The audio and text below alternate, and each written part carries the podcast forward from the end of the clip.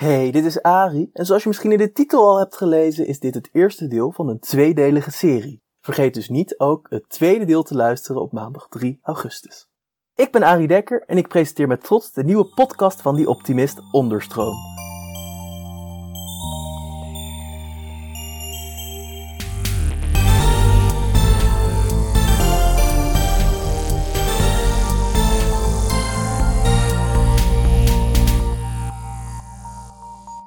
Iedereen, ik ben Arie Dekker, redacteur bij Die Optimist en zoals altijd bieden wij om de week een podium aan mensen en ideeën die meer aandacht verdienen. Vandaag spreek ik met Jim Stolse, oprichter van het bedrijf Agency. Hallo Jim, om te beginnen, vertel eens wat over jezelf. Hey, wat leuk om met jou digitaal verbonden te zijn. uh, en je hebt al mooi gezegd, agency, dat schrijven met AI, dus er is soms wat misverstand over de uitspraak. Agency. Ja. Uh, wij zeggen gewoon agency, we're an agency for artificial intelligence. En dat betekent. Ik moest het nog vragen ook. Oh, hoe zeg je ja, je bent niet de enige. Maar goed, dat is ook gelijk de conversation starten natuurlijk. Mensen willen weten, oh wat interessant, dus je bent wel een bureau met mensen, maar je werkt met de AI. Hoe zit dat dan? Dus je hebt gelijk een leuk gesprek. Daarnaast ben ik ook betrokken bij AI for Good. Dus dat is de non-profit pet op. Kunnen we straks ook oh. nog over praten. Graag en, ja, en een van de uitvloeisels daarvan is de nationale AI-cursus die ik ook ben gestart. En mm. op dit moment ben ik daar eigenlijk het drukst mee. Dus je zou oh, verwachten met, met agency, maar die AI-cursus dat loopt helemaal uit de pan. Ja. Nou, wat super. Nou, ik wil daar ook allemaal straks heel graag over hebben. Maar laten we dan eerst even focussen op je bedrijf. Dus agency. Ja. Of nou nee, laten we trouwens eerst even focussen op jou. Ik denk dat mensen jou ook wel kennen, maar laten we toch even nog een kleine introductie doen. Wie is Jim Stolze? Heb je me gegoogeld? Ik heb je gegoogeld, maar ik denk dat de meeste luisteraars het toch liever uit jouw mond horen. Oké, ja. Ja, um, ja, het is altijd interessant wat iemand over zichzelf vertelt. Tenminste, ik vind dat zelf altijd een beetje cringe. Dat woord heb ik van mijn zoon uh, Max, die is 16. Heel dus ik heb, dat. Ja, dus ik heb hem uitgelegd wat ik doe. En toen gaf hij mij terug. Hij zegt, pap, wat jij bent, jij bent een entrepreneur. Oké. Oh. dus sindsdien, als iemand mij vraagt van, Jim, zeg eens wat over jezelf. Dan zeg ik, ben een entrepreneur. Dat wil zeggen, ik ben inderdaad een nerd. Ik hou van technologie. Ik hou van dingen weten, dingen uitzoeken. Ik kan mezelf helemaal verliezen daarin. Maar daarnaast ben ik ook ondernemend. En die combinatie maakt het leuk. Ik bouw dus bedrijven met technologie die nieuw is. Met businessmodellen die nog niet werken. En dat is ja, in deze tijden uitdagend, maar ik zou niet anders willen. Ik heb nooit ergens op een loonlijst gestaan. Ik heb altijd dit gedaan. Gewoon technologie uitvogelen en kijken of je er een bedrijf omheen kan bouwen. In de vorige eeuw was dat een reclamebureau gespecialiseerd in online. Dat was toen heel nieuw en disruptief. Daarna gingen we apps maken. En nu is het dan AI en waarschijnlijk als ik je over twee jaar spreek, dan is het weer wat anders. Oh ja, precies. Maar dat is mooi om gewoon een beetje mee te gaan met de tijden. Maar op zich wel een voordeel natuurlijk aan AI is dat ze elkaar niet kunnen aansteken met corona. Dus je kan wel zo lekker eh, dicht naast elkaar laten werken, lijkt me. Nou, het, eh, is, het, doet pijn om te zien hoeveel dit virus lijkt op computervirussen. Want het wordt wel degelijk uh, overgebracht. En je, hebt het, je hebt het meestal niet door. En in plaats van een klikje is het een kuchje of een liedje. Dus de parallellen die zijn er, ja. Ja, echt. Oh, nou, dat is ook nog heel interessant denk ik voor de volgende podcast. Maar laten we ons eerst even focussen op AI. Want jij hebt dus zelfs, daar gaan we het straks wat meer over hebben, een cursus ervoor. Omdat mensen niet goed genoeg weten wat het is. Zou mhm. jij even weer een paar woorden aan ons kunnen schetsen wat AI nou precies is? Jazeker. En laat ik dan ook beginnen met te zeggen dat ik dus The Optimist en de voorloper Ode al jarenlang volg. Groot fan. Heel fijn om te horen. Uh, dus ik kan het publiek een beetje inschatten. Dus ik weet ook dat ze echt wel allerlei bellen en klepels en zo hebben horen luiden. Laat ik daarom voornamelijk zeggen wat ik ervan maak qua chocola. En dat is dat je AI eigenlijk moet scheiden in twee discussies. Enerzijds heb je het theoretische concept van een AI, een vorm een systeem wat intelligentie vertoont. Wauw, weet je wel, dat, dat roept allerlei vragen op. En ethische vragen, spirituele vragen. Wat betekent het om mens te zijn? Een hele interessante podcast uh, waarschijnlijk. Uh, Dat is dat ene concept. Noem ik eigenlijk s'avonds laat om half negen met een glas wijn. Heel graag, doe ik mee. Maar als je nu kijkt van anno 2020, waar hebben we het eigenlijk over als het gaat over AI? Dan gaat het veel meer over machine learning. Dat is dus maar een radertje in dat hele grote concept van AI. En machine learning, dat is leren van data. Dus je hebt dingen gedigitaliseerd Dat kan een Excel-sheet zijn, dat is heel mager. Dat kan een CRM-systeem zijn, is wat rijker. Je kan het hele internet scrapen, dat is een grote bron. Je kan camera's, met andere woorden, er is veel data. Dan heb je op een gegeven moment heb je gereedschap nodig wat voor jou in die brei van eentjes en nulletjes, wat ons niks zegt, op zoek te gaan naar patronen. En als zo'n algoritme, want daar hebben we het eigenlijk over, als die maar een patroon in die data vaak genoeg tegenkomt, dan gaat hij dat waarschijnlijk aan jou of aan mij, aan de trainer van het systeem, want het is learning, gaat hij aan de trainer zeggen, wat is dit patroon? En dan zeggen wij, oh, dat geven een label. Dit is fraude. Weet je wel?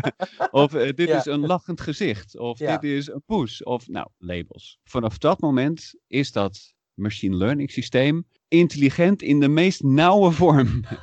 wij vinden dat niet intelligent. Als iemand alleen maar kan zeggen, hey een poes, hey een poes, geen poes, geen poes. Dan zeggen we dat is dom, weet je wel. Maar binnen de AI zeggen wij, hey, dat is een vorm van intelligentie. Het is een beetje bijna alsof je een coder opvoedt. Een coder die doet alles heel erg op de tast. Die ziet nog dingen voor zich. En dan zegt hij, ja. wat dit, wat dat, wat dit. Alles aanraken, alles. Ik denk niet dat een AI dingen gaat aanraken. Of dus machine learning in dit geval.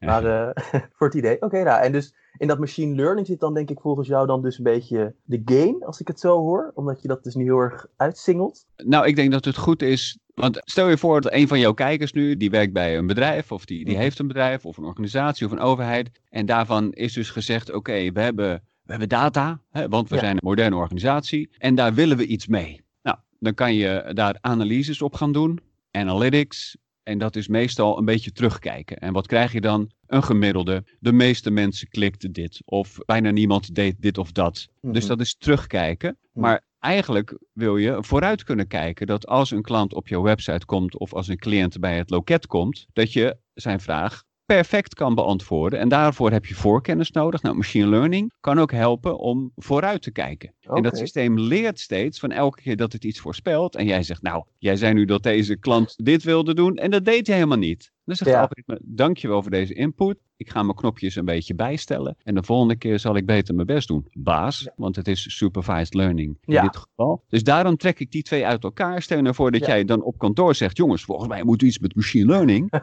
Dan is er een kans dat er drie mensen in diezelfde ruimte of in een Skype call zitten. dat die zeggen, ja, nee, uh, Terminator, uh, dat uh, liep ook slecht af hè, toen we gingen werken met AI. Ja, dus die krijg je sowieso denk ik vaak naar je hoofd gegooid, toch? De Terminator. ja, dan gooi ik hem er zelf alvast even ja, in. Precies. Ja, En ik moet heel eerlijk zeggen, hij staat in mijn top 10 van favoriete films. Zowel één als twee, Judgment Day. Ik ben oh, daar groot fan van, alleen het is wel killing in de figuurlijke zin uh, voor de business als mensen die twee concepten verwarren. Want machine learning gaat veel meer over statistiek. Het is wiskunde. Je moet snappen wat significantie is, een correlatie, een causaliteit. Dat is de discussie die je moet voeren met je collega's. Niet wat het betekent dat een robot misschien ooit na 2045 misschien ook gevoelens kan ontwikkelen. Wat anno 2020 klinkklare nonsens is, behalve als je een glas wijn op hebt of als je echt lekker wil filosoferen. Nou, nogmaals, volgende podcast gaan wij met een glas wijn om 9 uur gaan wij praten waarom AI de wereld gaat overnemen. Ik heb nu koffie. ja, het is nu een beetje te vroeg voor uh, wat wijn, maar een andere keer. En dat vind ik wel interessant. Ik deed natuurlijk wat onderzoek voor dit, want dat doe ik altijd. En ik kwam er eigenlijk vooral achter, het verbaast me een beetje, voor hoeveel dingen AI, en dan is in dit geval ook machine learning neem ik aan, weet ik vrij zeker zelfs, wordt ingezet al. Uh, want ik zie eigenlijk AI vooral voor me als dat je bijvoorbeeld een medische studie hebt en dan zeggen ze, ah, dit kan een bepaalde ziekte aanwijzen doordat het naar nummers kijkt. Dat is eigenlijk alles dat je erover hoort. Maar ik hoorde over apps en op het werk en tot eigenlijk al in onze maatschappij zit. Dus ze zijn dan voorbij het punt dat het nog moet infiltreren, als het ware. ja, en dat maakt het ook zo spannend. Het is een stille revolutie. Hm. Want als je gaat kijken naar de impact die mensen, dus ik heb het niet alleen over mij, maar gewoon mensen die er echt verstand van hebben, wat de impact gaat zijn van AI, dan zeggen ze die is vergelijkbaar met de introductie van de stoommachine. Van de, de automobiel, het internet, smartphones. En dan is de volgende, is dus AI. Alleen die vorige revoluties, die kon je zien. En deze die is dus al gaande. Alleen het is een digitale revolutie. Hij zit al in je telefoon. Heel veel dingen van jouw smartphone, of je nou Spotify, Discover Weekly of Google Maps en je rijdt expres een verkeerde straat in. Het systeem past zich aan en helpt jou om te komen waar je wil. Discover Weekly laat jou ook liedjes horen die je nog nooit eerder hebt geliked, maar die toch passen bij jouw voorkeur. Nou, dat is niet mogelijk met analytics, met terugkijken. Dat is wel mogelijk met machine learning, met Ja. voorspellen, bijstellen, voorspellen, bijstellen. Ja. Eh, ben jij zelf gebruiker van Spotify? Ik moet zeggen van niet. Ik ben nog Oké. eh, heel ouderwets. Ik heb een iPod en daar staat gewoon al mijn muziek op een chipje op en dan doe ik het Oké, daarmee. jij bent je eh, eigen DJ. Ja. Ja, ik, moet zeggen, ik, Precies. ik vind Discover Weekly, dat is dan het algoritme wat voor Spotify playlists voor jou maakt.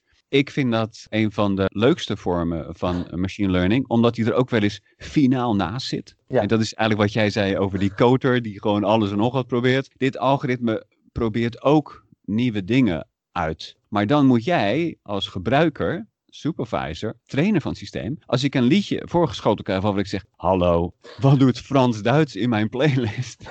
Nog nooit gebeurd. Ja, maar dan, precies, maar ik dan snap je punt. ben ik ook Ja. verplicht aan mijn stand en aan het algoritme om even op dat minnetje aan de rechterkant te klikken. En vooral Ja. niet op het hartje. Want ik- en vanaf dat moment zeggen ze, oké, sorry, dit specifieke liedje zal nooit meer voorkomen in jouw playlist. En waarschijnlijk past het systeem zich ook aan dat ze weten dat ze volgende keer iets anders moeten uitproberen. Maar dit gaat over liedjes en dan vinden we het helemaal niet erg dat een systeem dat voor ons bepaalt en ook gewoon beslissingen neemt. We hebben als het je niet dit zo zelf- door, denk ik, eerlijk gezegd. Als jij dit- ik zou echt niet denken, als inderdaad bijvoorbeeld op Marktplaats heb je dat ook, dat als je op een bepaalde advertentie klikt, dat je voortaan allemaal advertenties krijgt met dat Hm. erin. Dan is niet het eerste dat ik denk, ah, machine learning. dus denk Nee. ook, gaat denk ik ook over ons hoofd een beetje heen, maar je wou hem weer zeggen. Nou, goed dat je marktplaats noemt. Dat zullen mensen ook herkennen. Het is eigenlijk de domste vorm die nu ingezet wordt door de marketing- en, en reclame-industrie. Is inderdaad targeting. Als jij iets hebt gekocht, dat ze je daarna achtervolgen met advertenties voor hetzelfde product. Dat doet pijn bij mij. Mensen kijken mij erop aan. Ja, ja. daar niks mee te maken. Nee, dat je het over iets hebt terwijl je op Facebook zit en opeens staan overal advertenties voor die nieuwe schoenen als het ware, ja. Precies. En nu wordt het interessant, want Facebook is natuurlijk veel meer dan een social network. Het is jouw lens op de wereld. Dus dat Spotify bepaalt welke liedjes jij te horen krijgt en af en toe naast zit, ah, leuk, Discover Weekly. hè.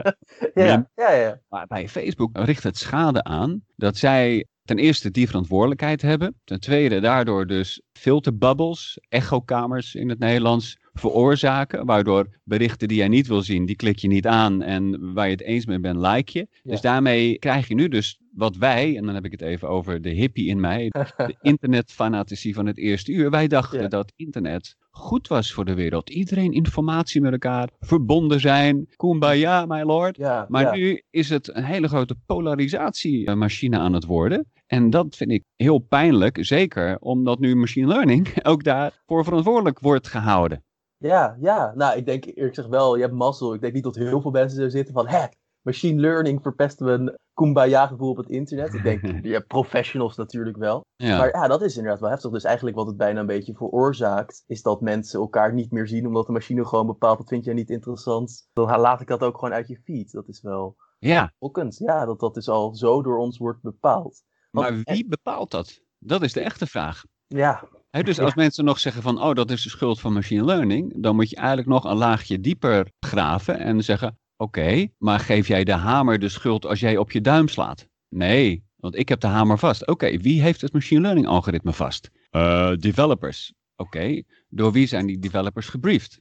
Eh, door de business development afdeling. Oké, dus die hebben commerciële targets. Ja, oké. Weet je, dus op een gegeven moment kom je er wel uit. En dat blijkt natuurlijk, Facebook is een advertentiemachine. Dus die kan het heel weinig schelen dat hun machine learning algoritme zorgt voor polarisatie. Want dat is goed voor de kliks. Nou, Ja. dat is zo'n weeffout die mij pijn doet. eh, waar ik dus naar alle macht probeer om daar iets aan te doen. Maar dat is natuurlijk, I'm punching above my weight, zoals dat heet.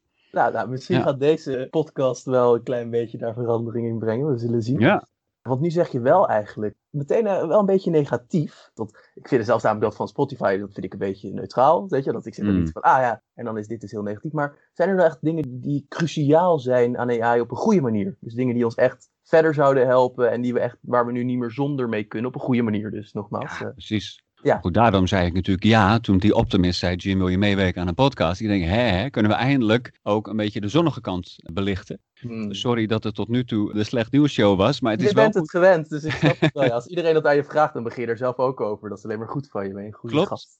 En je moet het ook gewoon benoemen. Want op het moment dat wij gelijk begonnen waren met Jim en Ari, halleluja, kumbaya, over al die mooie toepassingen, dan Ja. haken ook luisteraars of kijkers af die zeggen, ja, hallo, jullie vergeten even dat. Dus het is goed dat we het nu hebben geadresseerd. En ik hoop eerlijk gezegd dat de kijkers op dit moment inderdaad denken van ja, dat met die hamer, daar zit wel wat in. Je kan techniek, technologie niet de schuld geven, want het zijn altijd mensen. Wij zijn creatief, wij bouwen dingen, dat vinden we leuk. Dus wij bouwen ook systemen die op een goede manier ingericht kunnen worden en ook die op een slechte manier ingericht kunnen worden. Een beetje als een afgetrainde hond die dan iemand bijt en dan wordt de hond ingeslapen. Terwijl jij zegt, ja, jij hebt de hond Oh. afgetraind om mensen Ja. te bijten.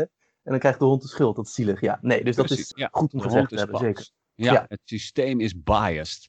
Nee, het systeem is een spiegel van de organisatie. Dus dat doet pijn, want dan zeggen mensen, ai, dus de organisatie is biased. Ja, Oké, hoe gaan we dat nu oplossen? In plaats van het algoritme weggooien. Ja. Ja. maar goed, dat betekent dus, dat als wij nu hebben geconstateerd dat machine learning, dus een vorm van AI, dat dat een stukje gereedschap is. Dat betekent dus dat je dat op een goede manier in kan zetten en op een slechte manier. En dat er nu zoveel mensen focussen op die slechte manier. Er is bijna een nieuwe beroepsgroep ontstaan van mensen die zeggen, ja maar de privacy. En dan zeggen ze, oh briljant, goed gevonden.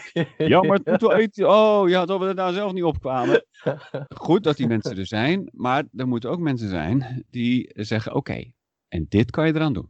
Dus antigif. Nou, Ja. het antigif, ik moet zeggen, in Nederland, de vier TU's, de universiteiten, die hanteren de principes van responsible data science. Dus dat wil zeggen, wij zijn ons ervan bewust dat dit een technologie is. Die kan je op een goede manier en een slechte manier. Om nou te voorkomen dat wij in dat slechte hokje geduwd worden, hanteren wij die principes. En ik weet niet of daar nu tijd voor is, maar er zijn dus een aantal criteria. Fairness, dat wil zeggen, is de data waarop jij hebt getraind, is die representatief voor de grote groep mensen die het gaat gebruiken? Nou, laten we even anno 2020, wat zit in ieders hoofd? Black Lives Matter. Nou, als je dan de training data voornamelijk op je eigen mensen hebt getraind, en dat is een omgeving van allemaal white guys als programmeurs, dan heb je kans dat als je dat systeem loslaat op de echte wereld, waar ook mensen zijn met een andere huidskleur dan wit, dat er fouten gemaakt worden. Nou, dat is dus zo'n valkuil, die kan je voorkomen door je systeem te ontwerpen. Door na te denken over fairness. De andere drie is accuracy. Causaliteit is iets anders dan correlatie. De T staat voor confidentiality en de T staat voor transparantie. Alleen al als jij dus met je organisatie bezig bent met dit soort innovatietrajecten, dan is er dus een hele goede reden om heel lang te praten over de database architectuur. En is het wel in de cloud? En is het een data lake? En om daar allemaal over te praten, is het secure? Natuurlijk, dat is allemaal belangrijk. Maar besteed ook tijd aan, is het fact? Fairness, accuracy, confidentiality, transparency. Ja. En eh, zorg ervoor dat jouw teams, dus en de developers en de business developers, maar ook de data scientists, het daarover hebben, zodat je in ieder geval weet dat het daaraan voldoet.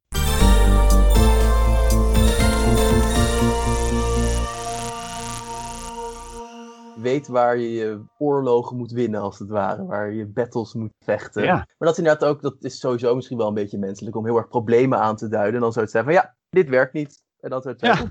Maar aangetoond. Maar jij dus en je team en iedereen die dus aan de goede kant staat, die gaan eigenlijk juist aan het werk om dus dit soort fact dingen en dat soort dingen te introduceren, waardoor we dus oplossingen gaan bieden. En dat is denk ik een heel nobel en goed doel, zeker met AI gaat de wereld overnemen in de lucht, dat je dan toch nog de good Ja. fight vecht. Dat Ah. is denk ik heel mooi, ja, zeker. En Ja, mag ik daar twee van mijn helden nog even citeren?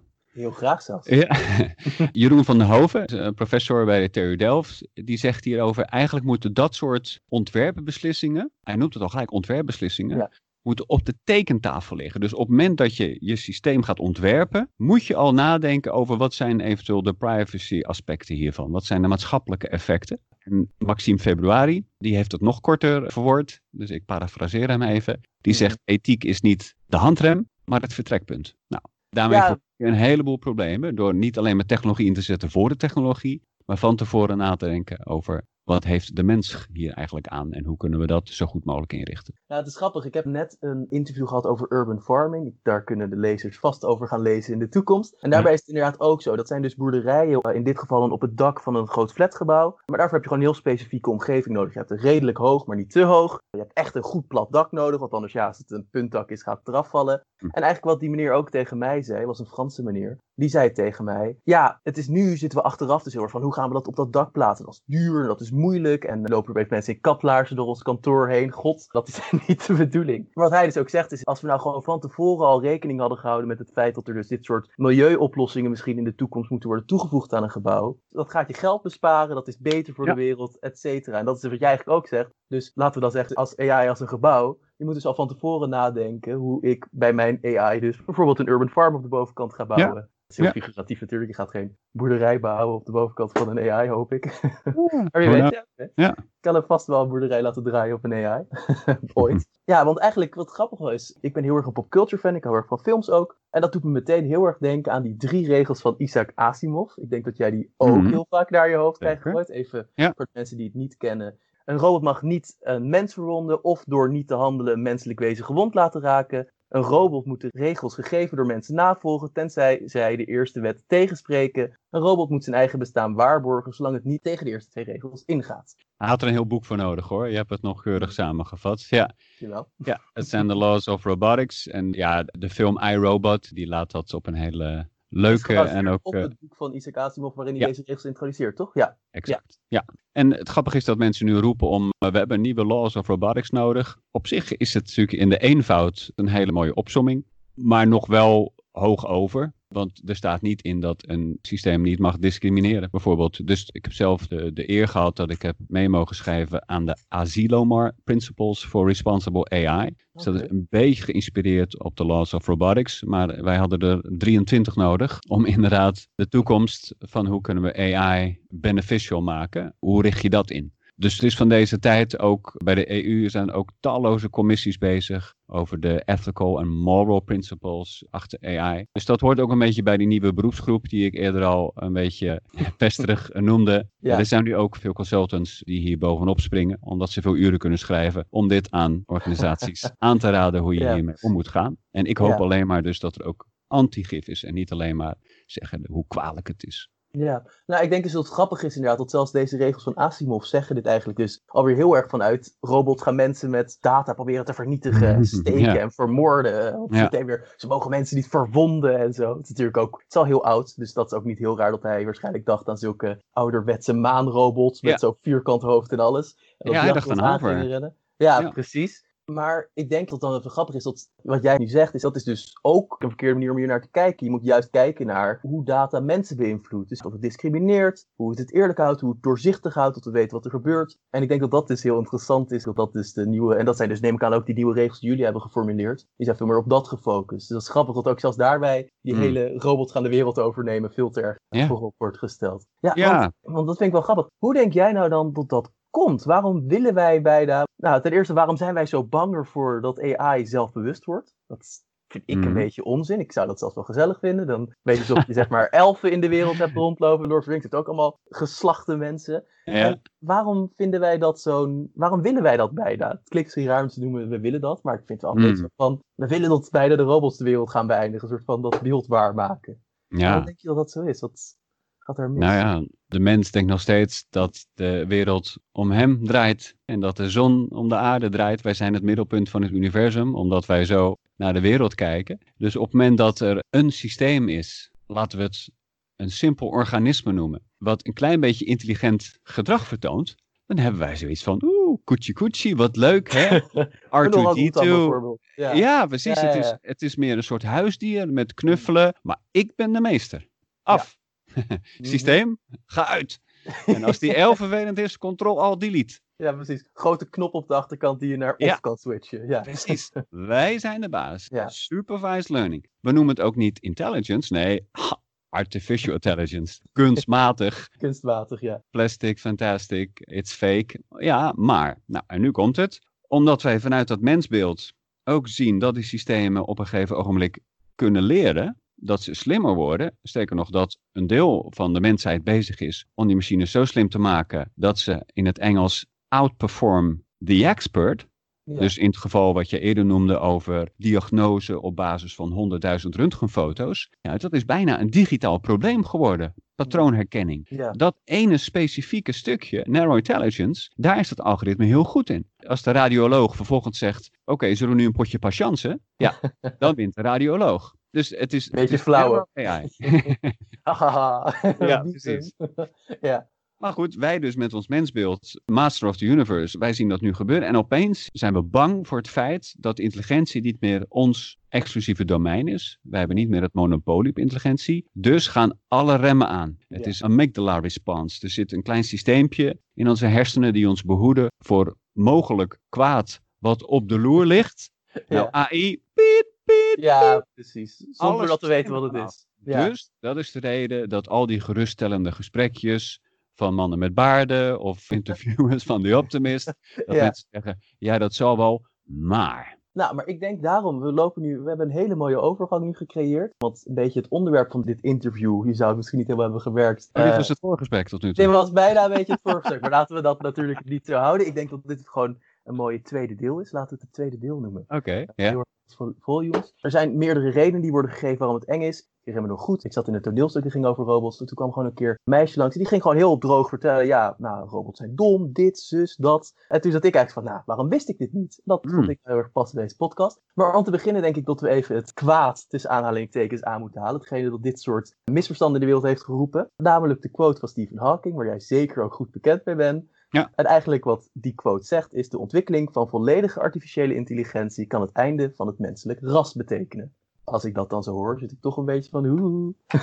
dat is een It beetje. might be humanity's last invention. Precies, ja. En als je Hawking nog goed leest en goed beluistert, zet hij daarmee twee deuren open. Want hij zet ook de deuren open. It's the last invention we need. Daarna kan AI ons helpen om al die problemen die er zijn op te lossen. Maar amygdala response, wij lezen in zijn quote, oppassen. Als zelfs Stephen Hawking zegt dat we misschien... eh, Zelfs Stephen Hawking. ja, hè? ik bedoel, dat is een astrofysicus. Die man Ja. die is goed in wiskunde, dus die moeten we geloven. Nou, dat is een beetje flauw, want natuurlijk, dat is, laten we vooral Stephen Hawking eren voor wat hij heeft bereikt en over wie die was. Mhm. Maar, heel gevaarlijk altijd om maar te zeggen, hij is geen computerwetenschapper, hij is geen neurofysioloog. Hetzelfde geldt voor Elon Musk. Die wordt ook altijd geretweet als hij of een grapje of quasi serieus het heeft over AI's that will rule us. One to rule us all. Hij heeft er vaak genoeg quotes over gegeven dat AI vergelijkbaar zal zijn met nucleaire wapens. Dus het feit dat zowel Stephen Hawking en Elon Musk dat soort dingen roepen, dat zorgt ervoor dat de gewone mens, en laten wij daar ons toe rekenen, Ah. dat die denkt, nou, als zij dat zeggen, nou, dan moeten we dus oppassen. Maar goed, dat is dus ook de reden dat ik voor die nationale AI-cursus, dat ik een rondje heb gemaakt langs alle professoren, langs alle experts op dit vakgebied. En die zeggen allemaal, ja, maar er zit zo'n wereld van verschil tussen wat wij nu doen, namelijk wat nummertjes invoeren in een systeem en daar wat statistiek op loslaten, vergeleken met waar zij het over hebben, namelijk systemen die zelfbewustzijn ervaren of creëren, dat is zo ver weg als het al gaat gebeuren. Want het is een theoretisch concept en dat zien zij dus niet gebeuren. Dus het is eigenlijk jammer dat zowel Hawking als Musk al die invloed die ze hebben, dat ze die niet gebruiken voor problemen die er echt toe doen. Want dit is een non-probleem. Nou, gelukkig om te horen, denk ik. Ik denk dat het veel mensen toch nog zou opluchten, ondanks alles. Ja, want er zijn. Heb, je- veel... heb, je nog, heb je nog tijd, Arie, voor een, voor een iets langere quote hierover? Of quote, Heel graag. anekdote? Ik zit er al een beetje over na te denken om dit een tweedelige te maken. Want ik vind het onderwerp zelf zo interessant. Ik denk dat niemand daarover gaat klagen. Dus eh, dat komt wel goed. Dus neem geheel je tijd. Graag. Langere quote. Ja. Ja, ik kan me namelijk voorstellen, als ik nu naar mezelf zou luisteren, dan zou ik zeggen, ja Jim, jij hebt makkelijk praten. Wie ben jij nou Ja. Stephen Hawking met zijn mooie track record hiermee eigenlijk te zeggen dat hij onzin verkoopt? Laat ik die als een soort judo-worp nu dan omdraaien. Nou, ik zou, niet, ik- ik... zou niet Stephen Hawking gaan judo worpen om meerdere ethische redenen. Maar Ja, goeie, heel goed. Eh, Maar laat ik dan de vraag terugstellen, wie is Stephen Hawking om hier iets over te zeggen? Dan wordt het interessant, want dan kan je iets beter begrijpen waarom dit heeft gedaan. Stephen Hawking, die was er al in de vorige eeuw toen wij het over de hype van dat moment allemaal hadden. Dus nu is AI op de top van de agenda. Toen was het space. We hebben het over eind jaren 70. Star Wars was net uitgekomen. We hadden natuurlijk Kennedy met zijn prachtige speech. Reagan die daarna ook over de oorlog in de ruimte, Star Ja. Wars letterlijk eh, sprak. Ja, ja, ja. Dat sprak tot E.T. 1984. Prachtige In film die- overigens. Ja, oh, absoluut. Tranentrekker. Maar in die wereld gingen de gesprekken die wij nu hebben Als wij toen de podcast hadden gehad, had jij aan mij gevraagd, Jim, hoe groot is de kans dat er leven is op andere planeten? Daar had Ja. iedereen het over. En Stephen Hawking, die heeft zich daar toen natuurlijk in verdiept en met zijn prachtige brein allerlei dingen over gezegd. En hij heeft dus gezegd, wat wiskundig weer helemaal waar is, hij zegt, het universum is zo infinitely groot dat de kans wat ons hier is gebeurd, nog een keer is gebeurd, die is gewoon aanwezig. Sterker nog, die kans die is zo groot dat als ze al bestaan, dan zijn ze waarschijnlijk geavanceerder dan wij. En als ze dan bij ons komen, is het alsof Columbus de Indianen begroet en ze allemaal syfilis geeft en kraaltjes afpakt en alsof een gorilla op een mier gaat staan. Ik wou al de hele tijd deze Oh. quote aanhalen, inderdaad. De quote dat als er aliens zouden komen, dat het gewoon een Columbus zouden zijn die die Indianen afslacht. Maar dan met ons. Exact. Precies. En in die film, in die wereld, staat Stephen Hawking in de vorige eeuw. Hij heeft daarover gepubliceerd en ervoor gewaarschuwd. En met hem ook allerlei andere wetenschappers. En nu even fast forward. Er komt een nieuwe dreiging. Een andere vorm van intelligentie. En hij slaat gelijk dat repertoire weer aan. En alles wat hij heeft gezegd over aliens. Dat dat een gorilla is die een mier stamt. Of Columbus met de Indianen. Dat Ja. past hij nu toe op dit denken. Elon Musk komt ook uit die school. Elon Musk is ook gewoon een wannabe ruimtereiziger. Dus ook space, daar is hij groot mee geworden. Dat is zijn jongensdroom. Dus we hebben het nu eigenlijk over twee mensen die hun obsessie voor space, voor galactic travel en de kans dat er intelligentie op andere planeten bestaat, dat die die focus, die lens nu leggen tegen iets als data science. Wat voor mij dus een enorme brug te ver is. En Ja. Elon Musk heeft nog een agenda. Elon Oh. Musk die heeft ooit jarenlang natuurlijk de droom om met Tesla eh, de wereld van het vervoer te veroveren. En daar hoort ook autonome rijden bij. Met Ja. andere woorden, hij is erg geïnteresseerd in AI-systemen. En zijn grote concurrent daar is Waymo. Dat is een bedrijf van Google. Dus wat hij doet als businessstrateeg, zo moet je het lezen, is al jarenlang waarschuwen voor AI. En vervolgens zeggen, want er is op dit moment één partij in de wereld die alle data bezit en die de computerkracht en de menskracht heeft om zo'n systeem te ontwerpen. The One noemt hij ze. En Oh. iedereen weet dan, fuck, hij heeft het gewoon over Google. Met andere woorden, hij is op een hele slimme manier bezig om Google in een hoek neer te zetten die hij zelf wil veroveren. Dat is. Mijn tweede Hij probeert een beetje van. Google Skynet te maken. Oh, ja, 100%. precies. veel Ja. beter samengevat dan ik net deed. Want in de Terminator is er dus de grote kwade organisatie die eigenlijk de AI en de Terminators begon. En dat is Skynet. Skynet dit, Skynet dat. Ze vechten tegen Skynet. Ze reizen terug in de tijd naar Skynet. Er zijn al zes slechte sequels bezig met Skynet dwars zitten. Maar het is helemaal waar. Hij probeert dus Google een soort Skynet aan te praten, zodat de pers en de kritische lui, dat die zich daarmee bezighouden. En hij intussen natuurlijk precies hetzelfde kan doen, maar dan op vier wielen. Het is bijna een beetje inderdaad zo erg iemand in een hoek zetten van kijk, kijk, kijk daar, kijk daar. En ondertussen zelf ren je weg met de Ja. schat. Dat idee, ja. Precies, maar dus jouw oorspronkelijke vraag was, hoe komt het nou dat we zo bang zijn voor dat soort systemen? dat komt omdat we luisteren naar twee mensen in dit geval, Musk en Hawking, die allebei een hele andere agenda hebben om hiervoor te waarschuwen. Ik heb nog niet mensen gesproken of publicaties gelezen die zeggen dat het gerechtvaardigd is om te vrezen voor robots die iets op eigen houtje gaan doen. Eigen Ja, houtje. Dat is dus grappig, want ik wou ook een AI die helemaal mis was gegaan aanhalen. Ik vond dat wel een interessante. Dat was van Microsoft? Dank je, maar ik denk dat ik al het antwoord weet. Maar dus Tai, dat was op Twitter, was inderdaad van Microsoft en dat was een AI. En die ging communiceren met mensen via dus DM's, dus via privéberichten. En op die basis plaatste dan tweets. Het begon allemaal met, hello world, I'm Tai. Maar het heftige was dus, tot dat eindigde met uitspraken. Ik kan hem voor mij letterlijk quote, want ik was destijds erg gefascineerd door. Hitler Eh, Hitler was of- ja. right. Nee, Hitler was Oh ja. right. En ook zoiets van, en voor mijzelf nog iets eronder van, want die Joden zijn zo vervelend.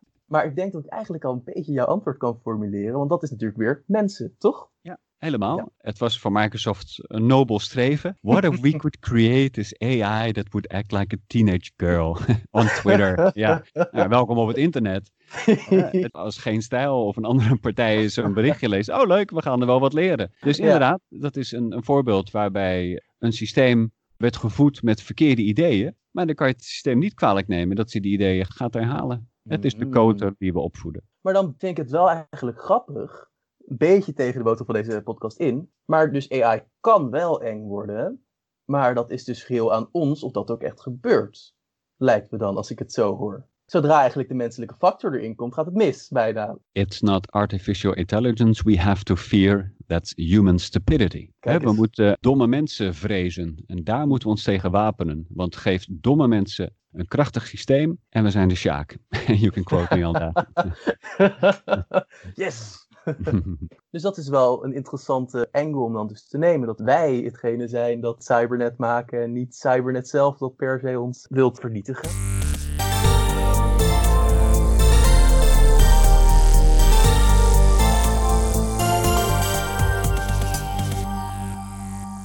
Ja, ja, ik weet dat Skynet uit de Terminator niet het bedrijf is, dat is Cyberdyne Systems, maar het systeem dat Judgment Day, dus de dag dat de robots de wereld overnemen, veroorzaakt, dat waren Jim en ik in ons enthousiasme even vergeten duidelijk te maken. Dit is niet het laatste wat je van Jim gaat horen, want volgende week bespreken wij in het tweede deel van deze aflevering onder andere veel voorkomende mythes over AI en of ze te weerleggen zijn. Als dit de eerste podcast is die je van ons hoort, kan je via onze website, Spotify of welke plek je dan ook graag podcast luistert, de vorige aflevering over het Breakout Team vinden. Hierin vertelt Jolande Eigenstein ons over hoe zij met haar team ervoor probeert te zorgen dat wij een corona sans tegemoet gaan. Ook zal ik in de beschrijving een link zetten naar de website van Agency. Wij zijn over twee weken weer, maar in de tussentijd hoef je natuurlijk niet met je duimen te gaan zitten draaien. Zo kan je het nieuwste nummer van Die Optimist nu gratis op onze website dieoptimist.nl vinden. Hier kan je ook nog steeds gratis onze jubileumspecial lezen. Daarnaast kan je de podcast een mail sturen met vragen, inspiratie of gewoon om te laten weten hoe leuk je ons vindt via redactie.dieoptimist.nl. Wie weet kom jij dan in ons toekomstige luisteraarsegment.